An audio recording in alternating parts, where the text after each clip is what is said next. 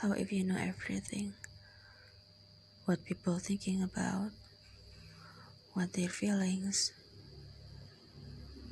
Only when you see their eyes, hear their voices, or see what they do. What will you do after that?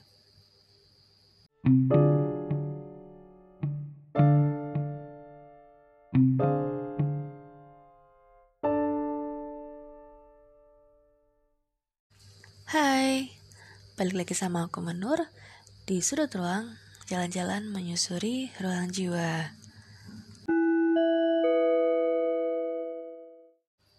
Pernah nggak sih kalian itu ngira sudah tahu semuanya, segala hal.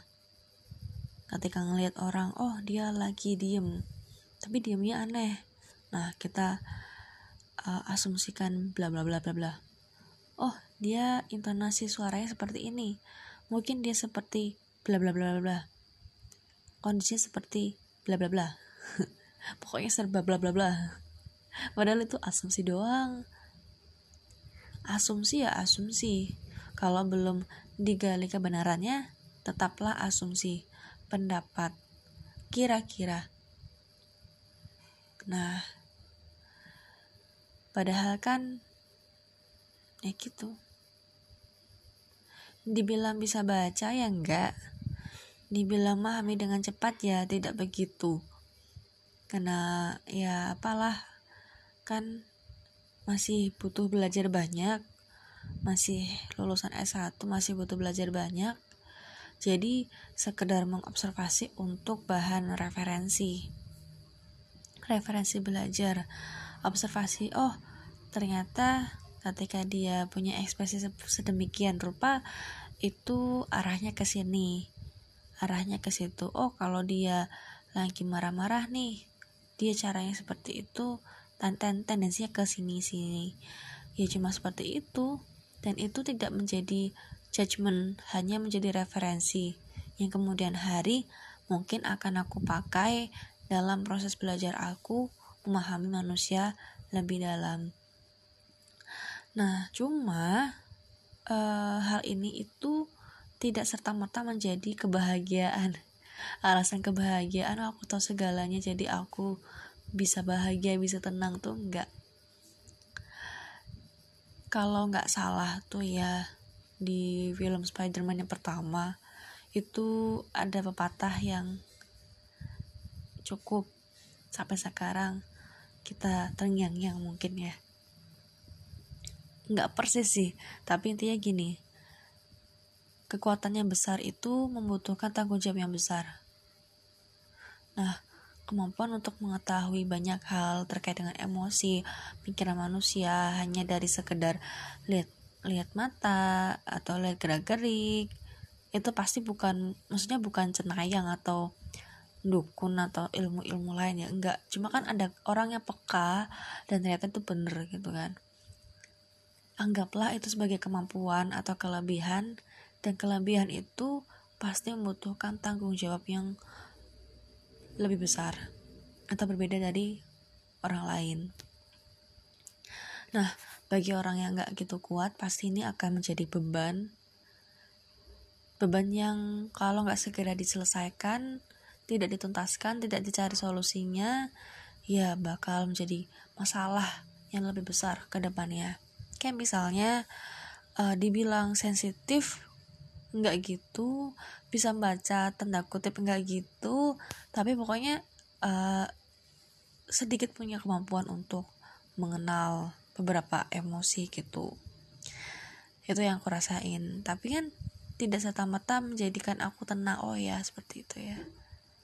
Ada kecemasan ada riwayat depresi. Yang ternyata hal-hal seperti itu menjadi trigger trigger atau suatu goncangan yang bikin eh bukan goncangan nih stimulus yang bikin kondisi mental aku tuh goncang. Gitu.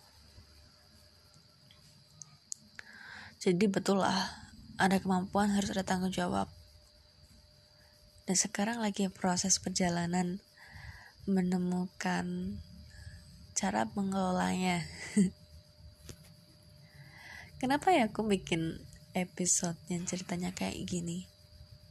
Ya buat sharing aja.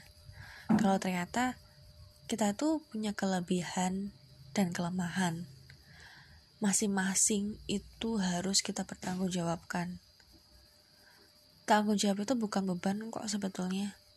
Tanggung jawab itu kayak privilege atau ya kita di situ bebas untuk ngapa-ngapain kelebihan dan kelemahan kita. Kita bebas untuk meninggikan kelemahan dan merendahkan kelebihan. Kita juga berhak meninggikan kelebihan dan melemahkan kelemahan. Kita bisa aja ngerasa oh aku nggak bisa di bidang A B C. Terus kita membiarkannya kita males-malesan bisa. Tapi ya efeknya lihat. Lihat aja. Terus gimana kalau misalnya kelebihan yang kita punya itu nggak kita kelola dengan baik? Atau kita abaikan? Atau kita ekstrimnya di ekstrimnya bahasanya kayak membunuh kemampuan sendiri. Itu ya monggo jadi manusia yang seperti yang kalian inginkan lah kok kalian sih kita? Jadi kelebihan kekurangan itu membuat kita sadar bahwa kita punya hak untuk uh, ngapa-ngapain semua itu. Kita bebas kita diberi kehendak bebas untuk uh, mengelola keduanya ya dapat insight baru kan aku. Tadinya aku nggak mikir sampai sini sih. Cuma ternyata oh ya betul juga ya. Udah deh segitu aja sharingnya. Sharing pagi ini semoga ada hal positif yang diterima. Kalau ada hal yang negatif mohon dijadikan apa ya kalau bisa sih diabain aja sih. Abain aja nggak usah diinget-inget ya diinget-inget positifnya aja. Hal positif dari rekaman episode ini. I think it's enough. Semoga bisa ketemu lagi di sudut ruang. Jalan-jalan menyusuri ruang jiwa. Bye bye